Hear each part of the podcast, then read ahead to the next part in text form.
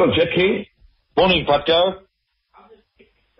Hey, Jackie, I understand we we just consuming boxing, boxing, boxing nowadays. Tonight there is boxing, international IBF Junior Feather Eliminator or Junior Fly Eliminator tonight in uh, at Boardwalk in in in uh, Port Elizabeth. But this coming week, next week, there's boxing, boxing, boxing in Cape Town. Tell me, what's happening in Cape Town, my brother? Good morning, Patco, uh, to you and all your wonderful listeners, and obviously our boxing fans uh, throughout South Africa. Yes, it's boxing, boxing, boxing. And what a better name to call All Guns Blazing for my event on the 30th of April. Uh, we have some, a little tournament that was meant to be development, uh, has turned out to be quite a major event, an international event, because we really got some top fighters, uh, coming from all parts of Africa. And, uh, yeah, uh, and that's the cruiserweight, the former, I think he's WBC, uh, youth champion, Dorodolo, versus Shehepu of Namibia. Wow. Okay. So that, that's the international uh, part of the boxing tonight. And uh, the local content, which are the local talented boxers we're likely then to see next week in Cape Town? You know, I'm glad you asked me this question because, you know, bringing back the Western Cape boxing title uh, has always been very important to me.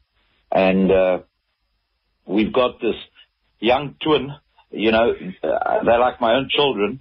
Uh, Zimbabwe, he's fighting Kabula of Mossel Bay over 10 rounds for the flyweight title, the Western Cape title. And then obviously his brother uh, is Bongani Nosele. Uh, everyone says he's possibly the better one of the two, but I can assure you, they're both fantastic fighters.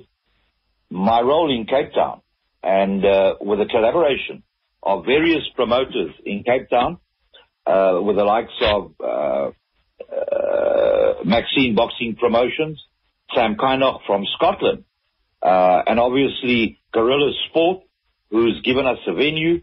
These times are very tough, but to get back to the local talent, we've got two wonderful youngsters in Atenkosi Plaiki, uh, a top, top amateur, Darren Rousseau, these boys come from PE. They live in Cape Town. And then we've got obviously the, the cruiserweight Sandisi Koto, who's, who's going to make a name for himself in that division. And lastly, our women boxing. You know, women boxing to me was never on my list when I was fighting. And I can assure you, my perception to women boxing has changed tremendously. We have Sheridine mm. Fortuin, and uh, she will not be on this show. She's preparing for my show on the 29th of, of, of May in Cape Town, where we will have two Commonwealth, and you, the first guys to know about this, your radio station. We're going to have two Commonwealth uh, fights. We've got the title fight, a female uh, mainlining, uh, with an African fighter, Hannah Rankin, who I brought out here last month to fight Colosso you know, the two-time South African champion. What a great fight it was. Colossa put up a great fight. Wow. And, and obviously yeah.